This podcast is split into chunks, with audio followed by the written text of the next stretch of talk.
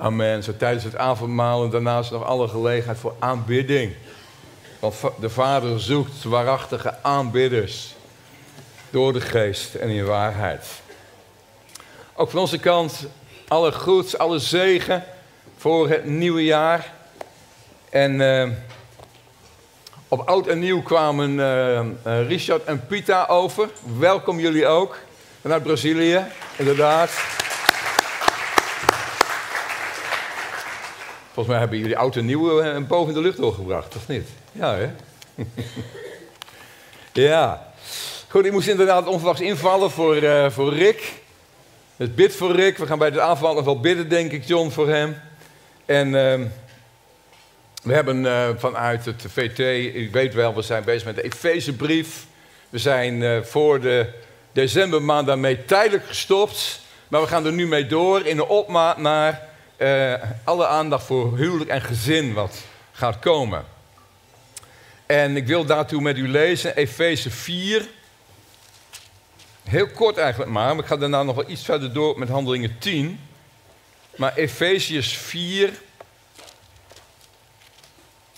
vers 1 tot en met 6. Heel bekend gedeelte. Maar daar zijn we aan toegekomen. Dus die gaan hiermee door. En trouwens eventjes, het wordt vanmorgen bijbelstudieachtig. Dus even een vraag aan u allemaal. Heeft u bijbels paraat? Ja, app is prima. Uh, voor degenen die hier nieuw zijn vanmorgen. Ga vooral na afloop van de dienst even doorvragen bij degene die je meegenomen hebt. Van hoe zit het precies? Want ik besef dat het hier en daar misschien ook wel wat nieuw kan zijn. Maar het is ook wel heel belangrijk om de brief in zijn context te zien. We gaan in ieder geval eerst de versen lezen.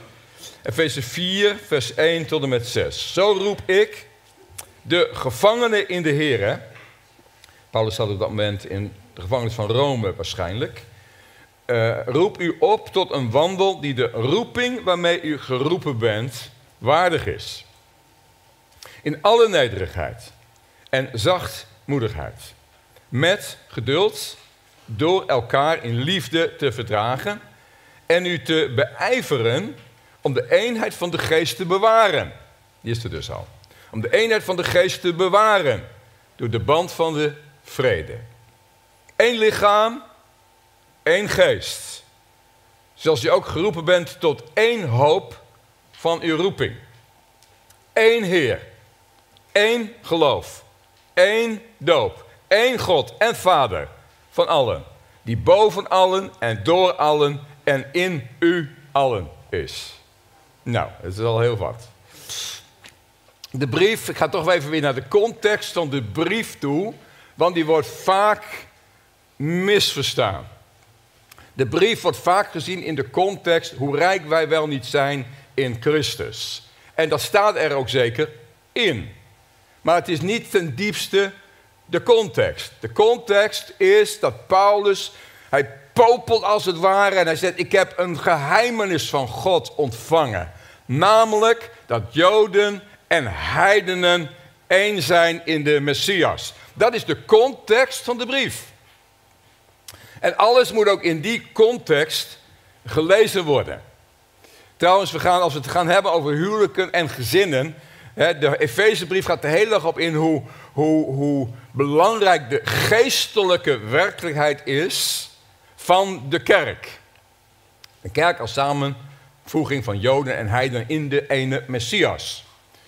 Um, maar in die context staat ook huwelijk en gezin. Het huwelijk is niet alleen maar van hoe, hoe heb je nou een huwelijk met elkaar en communicatiecursussen en dit en dat.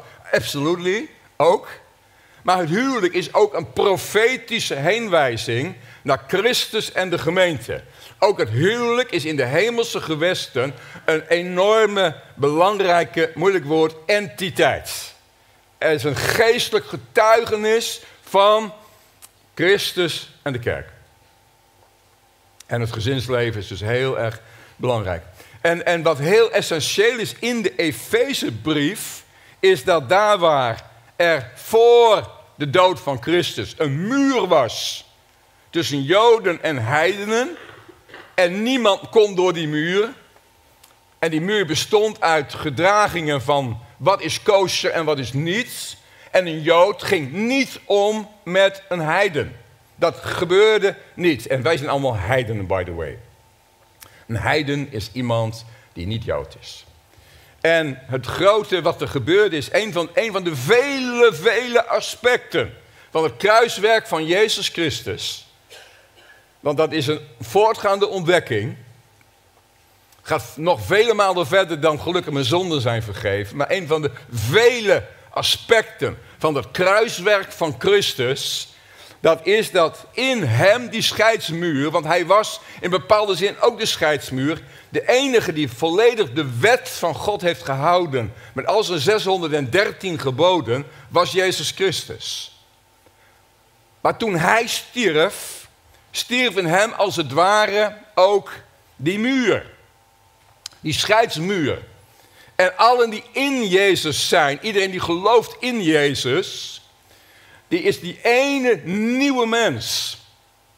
Het is niet dat veel meer dan u, dat u als persoon een nieuwe schepping wordt als je in Christus bent. Dat is individueel, maar collectief zijn wij één nieuwe mens geworden. Één lichaam, onder één hoofd.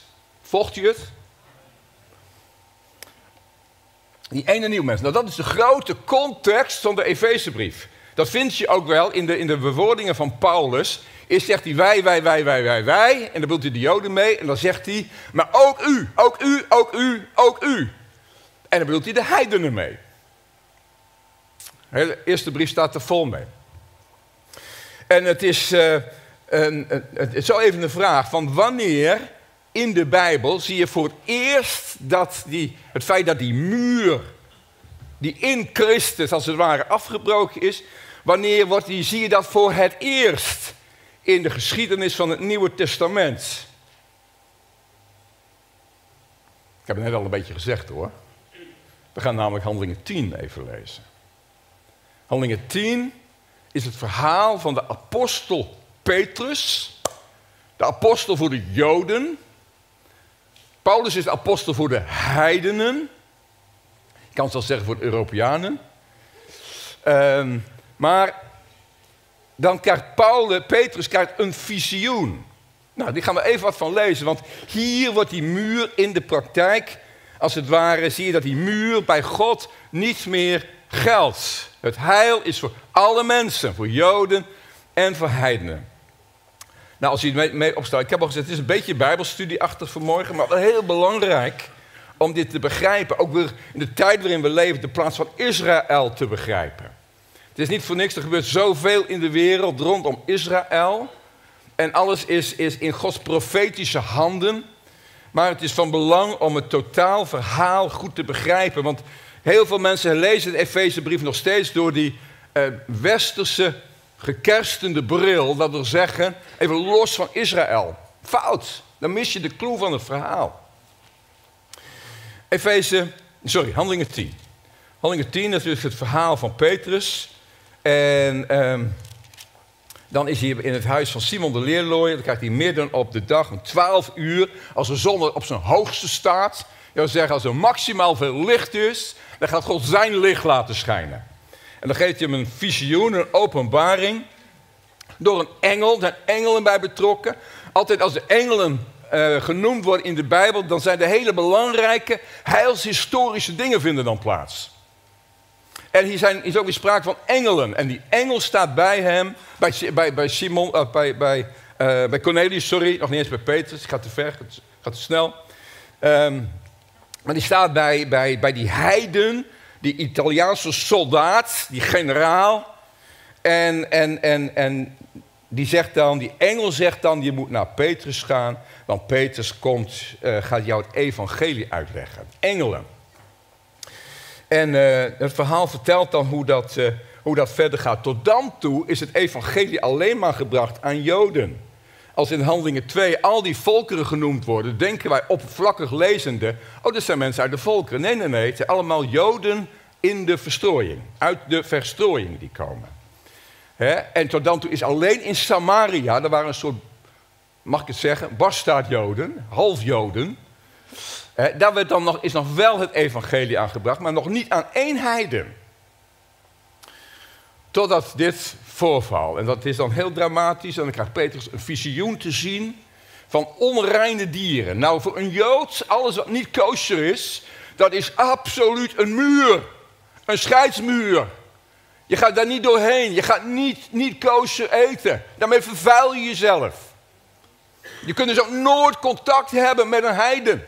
Je kunt nooit eten bij een heiden. Dat kan niet. En hier wordt dat dus krachtig en dramatisch doorbroken. En dan zegt God, je gaat niet onrein noemen wat ik rein heb verklaard. En toen ging de bel beneden. Op dat moment ging de bel. En uh, stonden daar twee mannen en woont hier ene Petrus. Ja, die is hier te gast, die woont hier.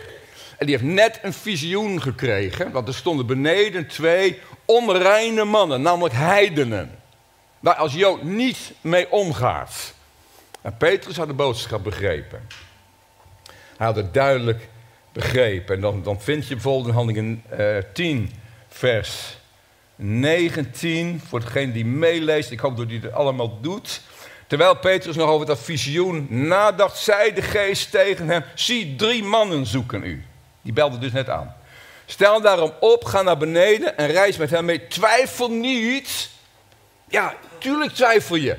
Dat, doe je toch niet met heidenen meegaan? Maar de geest zegt: twijfel niet. Um, want ik heb hem gestuurd. Nou, dan vers 28. Dan zie je, vers 28. En hij, eh, Petrus, zei tegen hen: U weet dat het een Joodse man niet toegestaan is om met iemand van een ander volk om te gaan of bij hem binnen te gaan. Maar God heeft mij laten zien dat ik geen mens onheilig of onrein mag noemen. Nou, dat is net ontdekt door Petrus.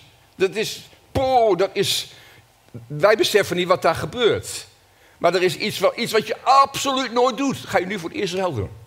Want God heeft iets geopenbaard. En hij ging met ze mee. Met ze mee om het evangelie te brengen. En dan vers 34. En Petrus opende zijn mond. was aangekomen in het huis van Cornelius in Caesarea. En Petrus opende zijn mond en zei: Ik zie nu in waarheid in dat God niet iemand om de persoon aanneemt. En dan gaat hij het evangelie verkondigen. En dan gaat hij spreken van Jezus. Iedereen die vol is van de geest spreekt altijd van Jezus. En als je mond open doet, dan gaat het om, om Jezus. Dan gaat het om het evangelie. En dat predikt hij dan. En op het moment, vers, dat we even lezen, vers 42 en 43. Bent u er nog bij? Ja, ik vraag echt veel van u vanmorgen hoor. Maar bid ondertussen maar stiekem of u genade krijgt dat u het gaat begrijpen. Dus 42 en 43. Er staat, en hij heeft ons bevolen, hij is aan het preken, hè, Petrus.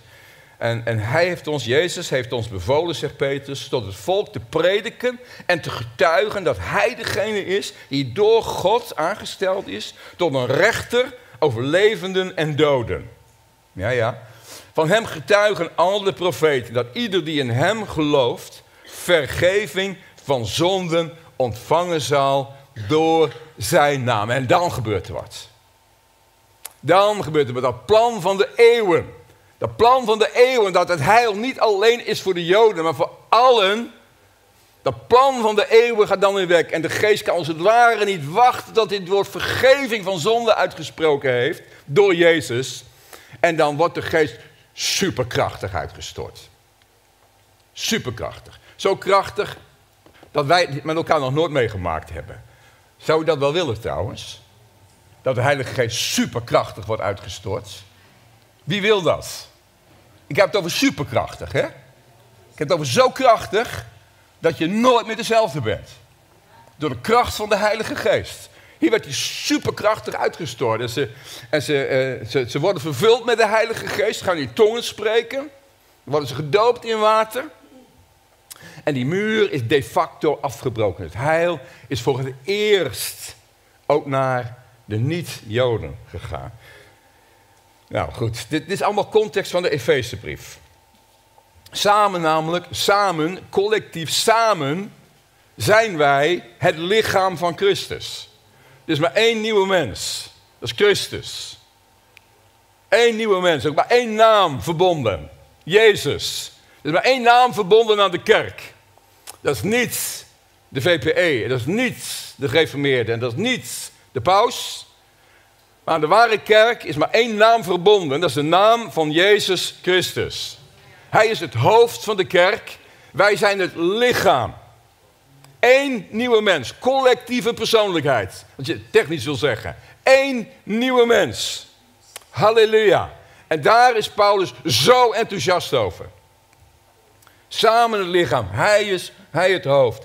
Ze waren eh, eh, zichtbaar op de aarde, maar ook zichtbaar in de hemelse gewesten. Dat is namelijk Efeze taal. Efeze taal is hemelse gewesten taal. Efeze spreekt tot vier keer toe van hemelse gewesten. Dus wij zijn zichtbaar op de aarde. Klopt het? Wij zijn samen het lichaam van Christus. We zijn leden van het lichaam. Je kunt het lichaam van Christus aanraken. Even een kort moment. U mag even het lichaam van Christus aanraken. Wilt u dat even doen? En we gaan dat straks met alle diepte van respect opnieuw doen. Het lichaam van Christus aanraken. Maar het lichaam van Christus is ook een geestelijke realiteit. Dat is de, hemel, dat is de Efeze context. In de hemelse gewesten. Collectieve persoonlijkheid met één hoofd, Jezus. Samen verbonden met elkaar. Halleluja. Tot lof van de Vader. Zegt de Bijbel dan elke keer bij. Nou, dan gaan we nou een beetje naar de tekst. Dit was inleidend. Volgt, volgt u het, het, plan. Hè? Dit is de context. Hè?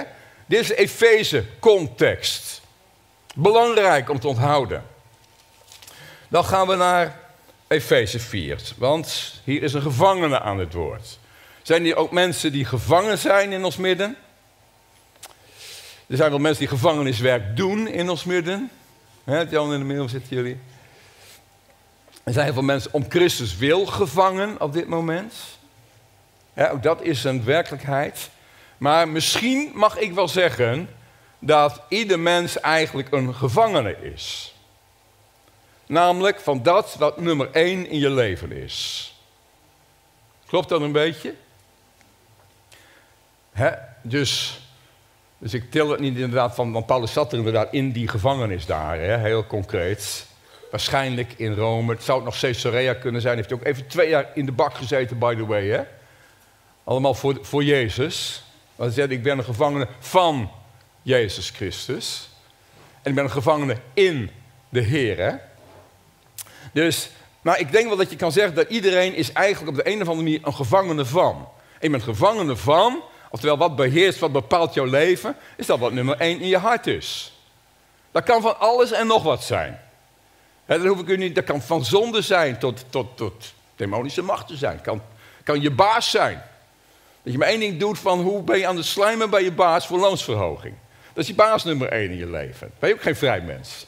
Dus van alles. Je kunt het bedenken, je kan het verzinnen, je kan van je, van je, van je, van je hobby kan je, kan je een gevangene zijn. Je kan overal een gevangene van zijn. Dus je kunt maar beter gevangene, gevangene zijn van Jezus Christus. Amen. Een gevangene in de Heer. Dat wil zeggen dat Hij is je Heer. Hij bepaalt. Dat is de grootste vorm van vrijheid. Iedereen die ontdekt heeft, ik ben een gevangene van Christus, die kan zeggen, ik ben zo vrij als wat. Is dat waar? Je weet die gekke tegenstrijdigheid van het koninkrijk van God. Hoe gevangen je bent, hoe vrij je bent. Hoe kan dat nou? Dat kan toch niet? In dit geval klopt het wel. Hoe gevangener je bent van Jezus, hoe vrijer je bent. Er zijn nog mensen die amen kunnen zeggen hierop. Zo is het, hè? Hij is Heer. Hij is mijn Heer. En op het moment dat iets anders nummer één in mijn hart wil worden, dan, word ik, dan word ik, kom ik daar aan vast te zitten. En ik wil nergens aan vastzitten dan alleen maar aan Jezus Christus. Nou, dat is wat Paulus zegt. Met andere woorden zegt hij, het leven is mijn Christus. dat, is, dat is van Paulus. En ook heel concreet werd dit ook een concrete gevangenis voor hem. Hij, hij, kwam in de bak terecht, hij kwam in de gevangenis terecht. En uh, de aanleiding daarvoor laten we even wat het is. Je zult trouwens maar gevangen bewaker van Paulus zijn. Want de Bijbel zegt in, in, in, in Handelingen 28, er was elke keer was er iemand aan wie hij geketend was. Nou, dat, dat, moet je, daar kan je van alles bij voorstellen. Maar onder andere, de gevangenen mochten twee keer per dag naar het, naar het openbare toilet. En die gevangenen hebben alles voor Paulus meegemaakt. Paulus is ook maar gewoon mens. heeft alles meegemaakt van Paulus. Maar ook zijn gebeden. Ook zijn lofzangen. Ook zijn schrijven. Hij mocht schrijven in de gevangenis. Dit is een product daarvan. Hij schreef veel in de gevangenis. En Paulus zegt ergens in de Filippense brief: Och, ik ben zo blij dat ik in de gevangenis ben. Weet je waarom, zegt hij? Omdat al die mensen, die, die, al het personeel van de gevangenis en de mensen aan het hof, ze horen allemaal het evangelie. Nou, dat is het mij wel waard, zegt hij.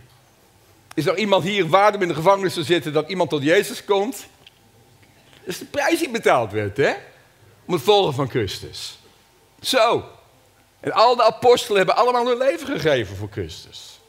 De een naar de ander. Het was voor, voor hun een voorrecht, het was voor hun een eer.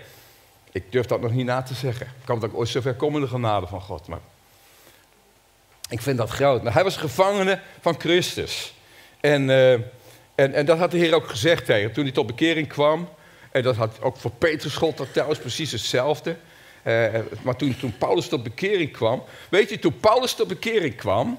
Zoals wij het evangelie brengen, werd dat hem niet gebracht.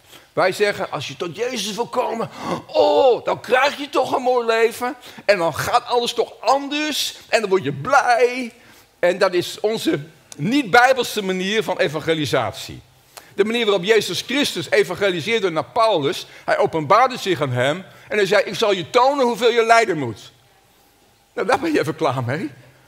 Dat is een leuke manier om, uh, om gewonnen te worden voor Christus. Maar ik zal je één ding vertellen. Als Jezus Christus zich openbaart in je leven, dan maakt het je niet uit. Dan, ben je, dan, dan wil je alleen maar hem volgen. En dat was een roeping van Paulus. En, en dan later, veel later, veel later, bijvoorbeeld als hij met de oudste op het strand van Mileten, de oudste van Efeze, afscheid neemt. Want hij wil met Pinksteren, wil hij wil de Joodse feesten vieren. Ja, mooi hoor. Uh, dan, dan, dan, dan wil hij met Pinksteren in Jeruzalem zijn. En dan neemt hij afscheid en ik ga niet naar Efeze toe. Laten we ergens op het strand afspreken. Dan ga ik afscheid nemen van jullie. En uh, dan, zegt, dan zeggen ze van, ja maar kijk uit, Jeruzalem gevaarlijk. Niet doen. Dan komt hij later aan steeds, niet doen, gevaarlijk. Dan komen zelfs de profetieën, niet doen, gevaarlijk. Maar, maar Paulus zegt, ik ben gebonden door de Heilige Geest.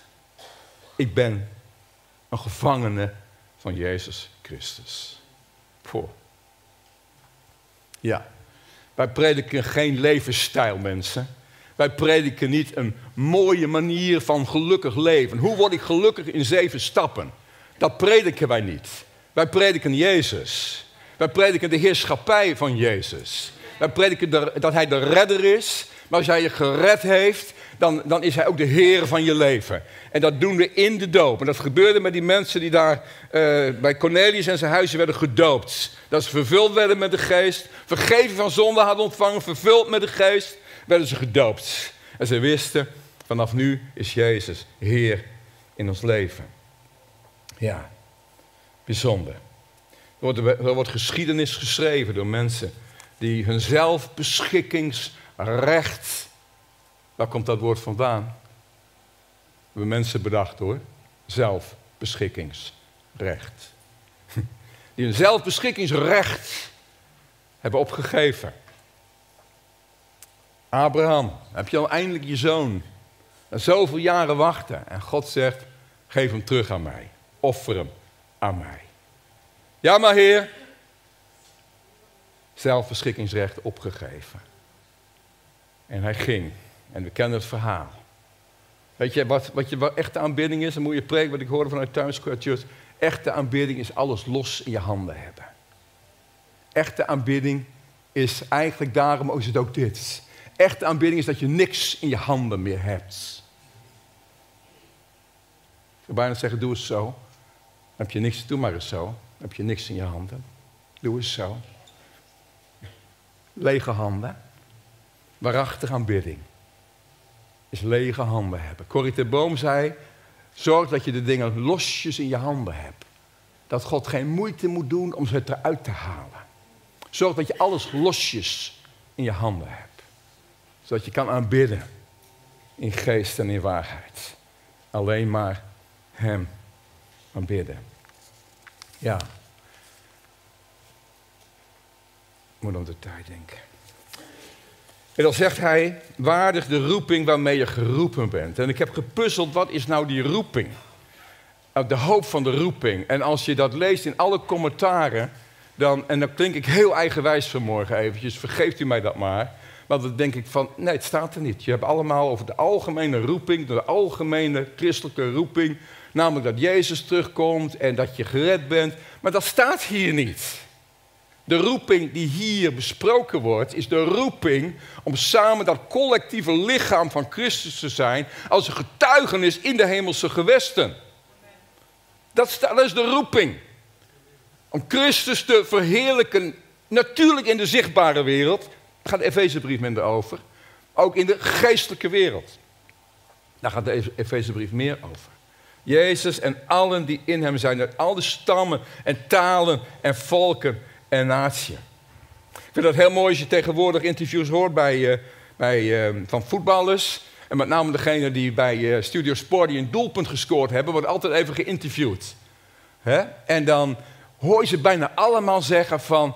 Nee, dit is, er wordt dan gezegd hoe voelt het dat voor jou dat je mocht scoren en dit en dat. En, en, en dan zou je verwachten, ze, ja, dat voelt goed en uh, dat was goed hè, van mij. Allemaal zeggen het was een team effort. Allemaal zeggen ze, het is, ja, dat kan, ik ben gewoon onderdeel van een team. En dat ik toevallig dat doelpunt mocht scoren was wel doordat het door het team was voorbereid. En ik kreeg die assist en ik kon hem erin koppen of erin schoppen. Dat hoor je allemaal. Het is een team effort. Kerk zijn is een team effort. Kun je niet alleen doen. En dat betekent dat er iets, iets essentieels is. En daar gaat Paulus dus over verder. Hij spreekt over alle nederigheid.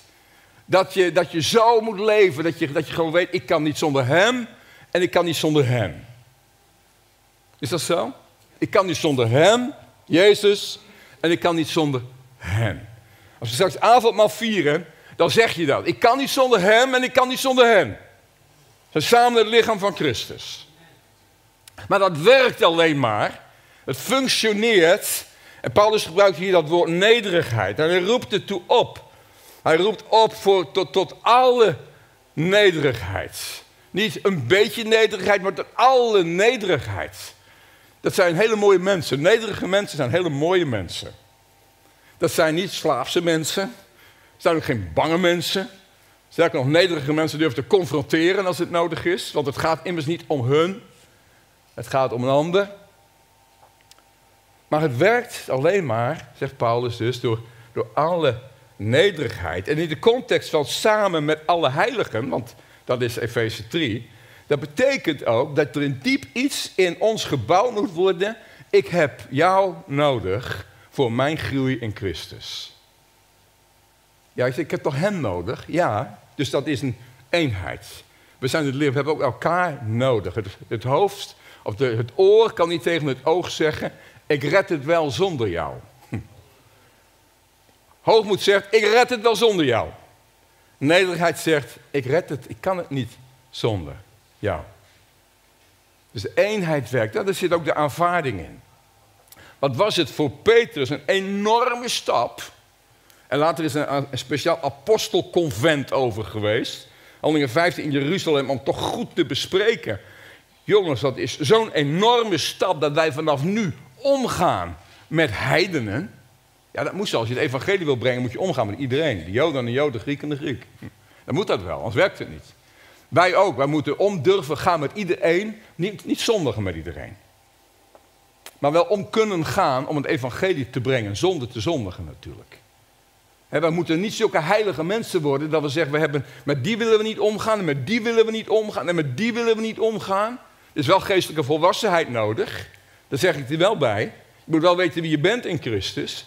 Maar, maar het is goed om met, met, met iedereen om te gaan, om mensen te winnen, om getuige te zijn. Ik heb dat ook moeten leren in mijn leven hoor. En sterker nog, alsof ik dat al geleerd heb. Ik ben dat ook aan het leren in mijn leven. Met iedereen een soort van onvoorwaardelijkheid om te gaan. En, en mensen te aanvaarden.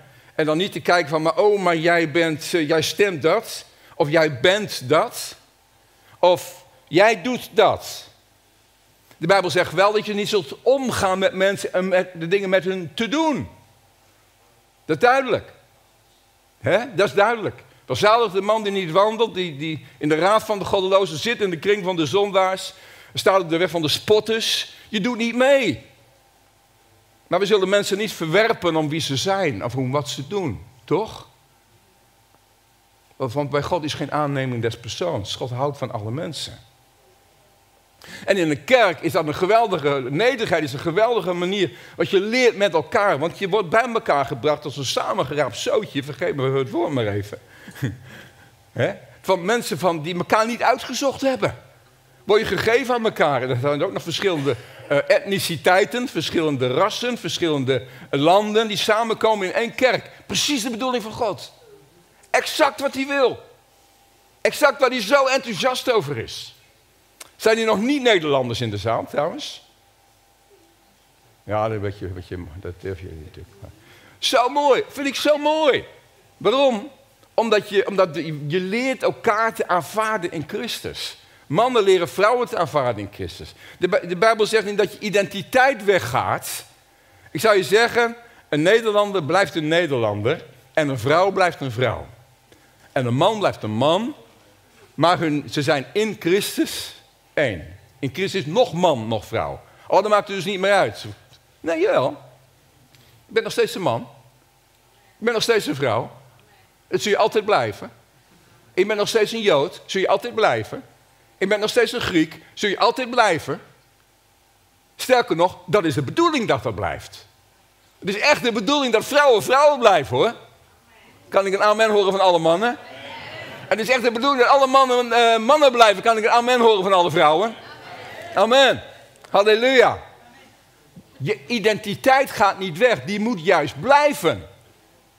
Het is zelfs hè, in de, de laatste bladzijde van de Bijbel wordt gesproken over de volkeren. Dat betekent dat er nog steeds Bulgaren en Roemenen zijn. En Surinamers. En Indonesiërs. En Sri Lankanen en Iraniërs. Ze zijn er nog steeds. Wat is het plan van God? En het plan van God is dat die, dat, die, die kerk van Hem, dat lichaam van Hem, elkaar onvoorwaardelijk aanvaardt en juist de rijkdom die je vanuit je eigen identiteit hebt, gaat omarmen. Wat is het erg als een man een vrouw niet kan omarmen omdat zij iets toevoegt wat hij absoluut niet heeft? Kan ik amen van alle mannen horen? Absoluut niet heeft. En daar bedoel ik dingen mee als intuïtie en fijngevoeligheid en dingen doorzien en weet ik veel wat. Ik zou je echt zeggen, dat is zo waar. Uh, ik, ik, mijn vrouw is niet 100% altijd gelijk. Maar ik kan je oprecht zeggen, en dit moet zij even niet horen, maar 90% van de keer dat ik een keus zou maken, dat zij zegt van, maar het voelt niet goed in mijn hart. Het is, is het wel wijs? Is het wel goed? Is het wel God? En dan zegt, hmm, hmm. Oh, ik denk dat je wel gelijk hebt, ja. Dus, en, en, en, en, en als ik Ravi Nalani, ik noem maar even namen nou, hoor en meemaak, er is maar één ding wat ze steeds zeggen. Moeten bidden, pastor, moeten bidden. Maar wat doen Hollanders? Die vergaderen. Wat? Vind je dat mooi dat we vergaderen? Bidden. Bidden. En zo, zo voegen identiteiten voegen toe aan elkaar tot een, rijk, tot een grotere rijkdom samen met alle heiligen. Dat is wat de Efezebrief zegt. En als dat samenvoert, wat alleen maar werkt in, ik, ik wil echt van jou leren. Nederige mensen zijn mensen die fouten toegeven, zonder beleiden. Weten dat ze er nog lang niet zijn, leerbaar zijn. En, en uit de grond van hun hart zeggen, als jij er niet was, ik, dan, dan kwam ik niet waar ik moest zijn. Ik heb jou nodig. De managementwereld erkent nu de nieuwste managementtrends is dat de beste leiders zijn nederige leiders. En dat is heel gek, want ja, ik vind sommige mensen, ook wereldleiders, echt niet nederig. Komen mij niet nederig over. En gaat ook vaak niet goed. Maar echte goede leiders zijn nederige leiders. Nou, laten we er niet te, te lang doorgaan, want we gaan zo'n beetje stoppen. Ik kom nog heel veel meer over de Efezebrief te zeggen. Maar kan je er iets bij voorstellen als je met elkaar zo met elkaar omgaat, dat je elkaar aanvaardt? Dat je zegt, ik heb jou nodig. Dat je zegt, samen, we hebben u nodig. Zo'n diepe afhankelijkheid aan God en aan elkaar. Dat er iets heel krachtigs ontstaat. Ik, ik, ik kan mij zelfs voorstellen, want ik geloof zo aan evangelisatie. Hè? Ik geloof zo aan, we zijn alle deuren van Heer Gewaad bij langs gegaan. Ik geloof op straatwerk, ik geloof getuigen. Dat is wat Jezus zegt. Maar ik geloof dat ook een factor is in de missio Dei, in de zending van God, dat ook een grote factor is als de kerk kerk is. Als de kerk elkaar in nederigheid weet te aanvaarden. Daarom wil ik leren van gereformeerde leiders. Oprecht. Ik wil leren van, ik kom uit de gereformeerde bond. Oh, wat was het toch eigenlijk een goede club achteraf gezien. Meen ik echt. Meen ik oprecht. Wat kunnen we leren van elkaar? Betekent dat alles wat goed is? Nee. Nee, nee, nee. Zeker, dat is niet wat ik zeg hoor. Dat is niet wat ik zeg. Nou ja, laten we maar amen zeggen nu ergens. Want, maar ik weet niet hoe ik amen moet zeggen. Nou, dus ik kan gewoon amen zeggen nu. Maar zouden we nederigheid kunnen leren? Toch even tot slot. Hoe leer je nederigheid? De Bijbel zegt ook van gewilde nederigheid. Hoe leer je nederigheid? Misschien getuigenis op dit moment eventjes. Hoe leer je nederigheid? Ik denk, ik denk de allereerste en het meest geestelijke antwoord is Jezus kennen. Men ik oprecht, zoals hij het zelf zegt, leert van mij. Want ik ben zachtmoedig en nederig van hart. Het gevolg van nederigheid is je rust vindt voor je ziel.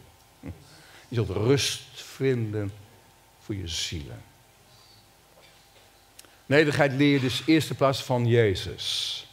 Trots en twijfel wijken, zegt het lied, voor de glans van uw liefde. Je kan niet aanbidden met trots. Aanbidden is nederigheid ultiem. Aanbidden is op je knieën zijn. En dan mag het stil zijn voor God. Mag het stil zijn. Aanbidden is Christ en Christ alone. Daar groeit nederigheid. Nederigheid groeit ook door omgaan met elkaar. Waarom zegt God, ik wil ze allemaal bij elkaar hebben? Van alle volken en talen en landen en naties.